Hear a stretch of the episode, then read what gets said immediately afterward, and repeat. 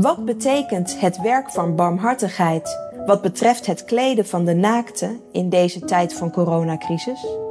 Hoe maken we deze opdracht van Christus concreet?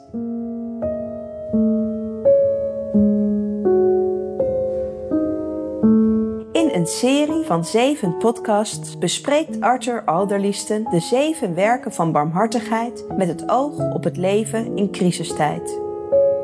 Hij verbindt die met reflecties vanuit het leven en werk van Dietrich Bonhoeffer.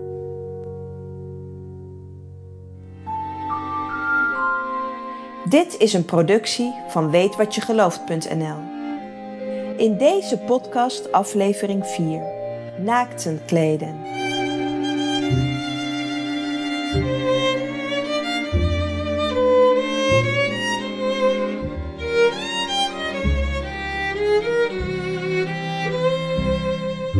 De eerste ellende die de mens bij zichzelf constateert na het eten van de verboden vrucht, is dat hij naakt is. Na deze nare ontdekking volgt de schaamtevolle ontmoeting met God. Hoe reageert God? Hij wijst Adam en Eva de deur van de hof, maar niet voordat hij hen kleedde met kleding van dierenhuiden. Sindsdien is het niet meer gebruikelijk om naakt te zijn. De mensheid is de onschuld voorbij. En naakt zijn is een uitdrukking geworden van schaamte, kwetsbaarheid, hulpeloosheid, onwaardigheid. Er is vervreemding ontstaan in de oorspronkelijke verhouding van de ene sekse tot de andere. Hoe kunnen we het dan toch vandaag de dag in praktijk brengen om de naakte te kleden? Wat moeten we ons daarbij voorstellen? Naaktheid is direct verbonden aan de val van de mens in het paradijs, zagen we zojuist. De schaamte over naaktheid is de eerste uitdrukking van ethisch bewustzijn, van het besef van goed en kwaad onder de mensheid. Naaktheid komt voort uit de zonde. Dat God de mensen kleding aantrekt, maakt allereerst duidelijk dat die vooral is bedoeld om te bedekken. Daarnaast biedt zij de noodzakelijke bescherming tegen zinderende hitte, ijzige kou, regen en wind. In de tijd van het oude Israël werd een mantel ook gebruikt om onder te slapen. Dat blijkt uit een gebod uit Exodus 22. Het gaat daar over het lenen van geld. Mocht je een mantel als onderpand hebben gevraagd, dan moet je die voor zonsondergang weer teruggeven. Anders zal de arme schuldenaar kou lijden. De mantel heeft hier de status van het bestaansminimum. Kleding. Warmte om te kunnen slapen is een minimale vereiste voor menselijke waardigheid. God gebiedt dat we anderen daarin voorzien. Ook kan naaktheid een teken zijn van minachting en vernedering. Krijgsgevangenen werden naakt en barrevoets meegevoerd. En zelfs de Zoon van God hing naakt aan het kruis. Een verregaande uiting van vernedering. Het kleden van naakten is een bewijs van levend godsgeloof. Johannes de Doper kondigt het naderende oordeel aan. In reactie hierop vragen de luisteraars wat ze moeten doen. Het verrassende antwoord luidt dat zij van de twee kledingstukken die ze hebben, er één moeten weggeven. Voor Paulus staat naaktheid symbool voor de oude mens. De oude mens verdwijnt als deze wordt bekleed met de nieuwe mens. Zo wordt een oude, naakte mens vernieuwd tot kennis overeenkomstig het beeld van Hem die hem geschapen heeft. Door het geloof en de doop. Want, zo schrijft Paulus in Galaten 3, u bent allen kinderen van God door het geloof in Christus Jezus. Want u allen die in Christus gedoopt bent, hebt zich met Christus bekleed.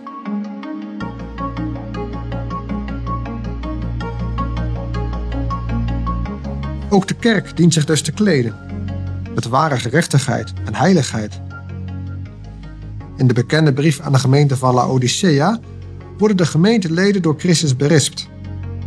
Wat u zegt, ik ben rijk, steeds rijker geworden en heb aan niets gebrek, maar u weet niet dat juist u ellendig, beklagenswaardig, arm, blind en naakt bent. Naaktheid staat hier voor lauwheid. Niet koud, niet heet, maar smakeloos lauw. Een lauwe kerk wordt door God uitgespuugd en vermaand witte kleding aan te trekken. Wat is dat voor kleding? Paulus benoemt in twee Bijbelgedeelten de garderobe van een christen. In Colossensen 3 schrijft hij over de kleren van innige gevoelens van ontferming, vriendelijkheid, nederigheid, zachtmoedigheid, geduld, vergevingsgezindheid. Bovenal de volmaakte band van de liefde. Paulus schrijft hier niet in de passieve vorm. We worden actief opgeroepen ons te bekleden. In Efeziërs 6 voegt Paulus er de wapenrusting aan toe van waarheid, gerechtigheid, bereidheid van het evangelie van de vrede, geloof, zaligheid en Gods woord. Kortom, God vraagt ons ons oude leven af te leggen en een vernieuwd leven te leiden. Inwendige vernieuwing leidt tot uitwendige concretisering. We zijn geestelijk bekleed wanneer we door de dagelijkse omgang met God vertrouwen op Zijn genade en daarna leven in een al even dagelijkse praktijk. Bekleed zijn staat in de Bijbel voor een overwinnend, wakend, levend en barmhartig christendom.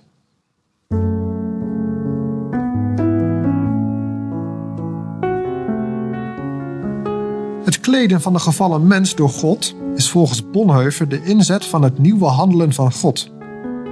De schepper is nu de onderhouder. De geschapen wereld is nu de gevallen, onderhouden wereld. God zorgt voor de gevallen mens die leeft tussen vloek en belofte. Hij laat hem niet over aan zijn schaamtevol lot, maar hij bekleedt hem. God beweegt mee met de gevallen mens. Het kenmerkende van het meebewegen is, zo zegt Bonhoeffer, dat zijn handelen nu een ordenend, intomend handelen is.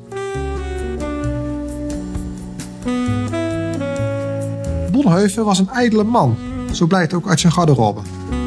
In zijn ethische aanzetten valt te lezen dat kleding niet slechts een schamele bedekking van het lijf is, maar tevens een sieraad voor het lichaam moet zijn. Kleding als sieraad is een aanwezig onderwerp in de briefwisseling met zijn moeder als hij als 22-jarige vicaris in Barcelona verblijft.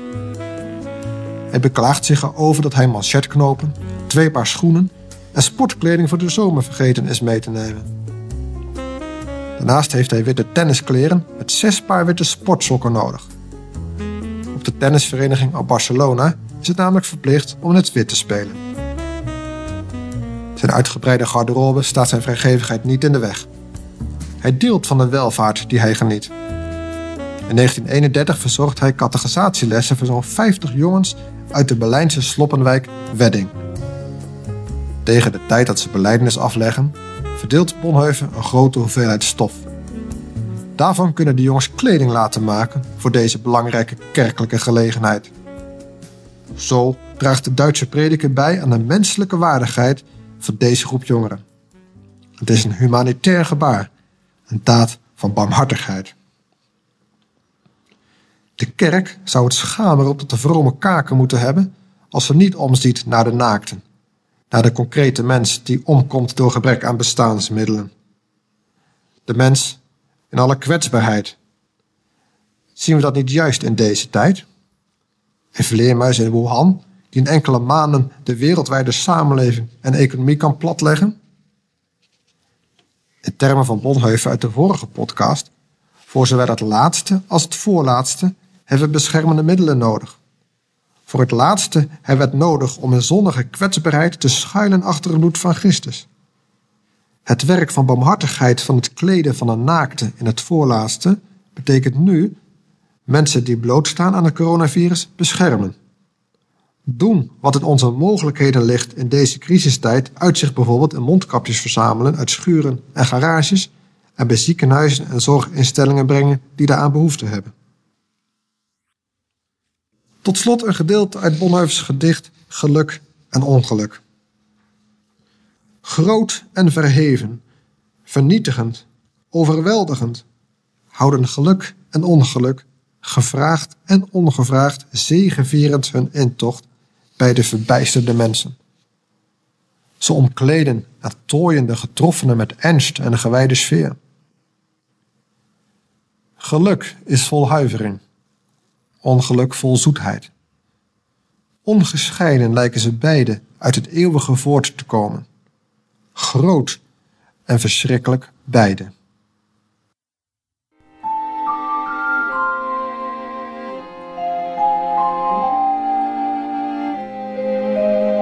Dit was aflevering 4 uit een serie van 7 podcasts over barmhartig leven in crisistijd. Meer weten? Bestel het boekje Barmhartig Leven. De zeven werken van barmhartigheid. Met reflecties vanuit het leven en werk van Dietrich Bonhoeffer, geschreven door Arthur Alderliesten en verschenen bij uitgeverij Buiten en Schipperheijn www.weetwatjegelooft.nl slash barmhartig leven.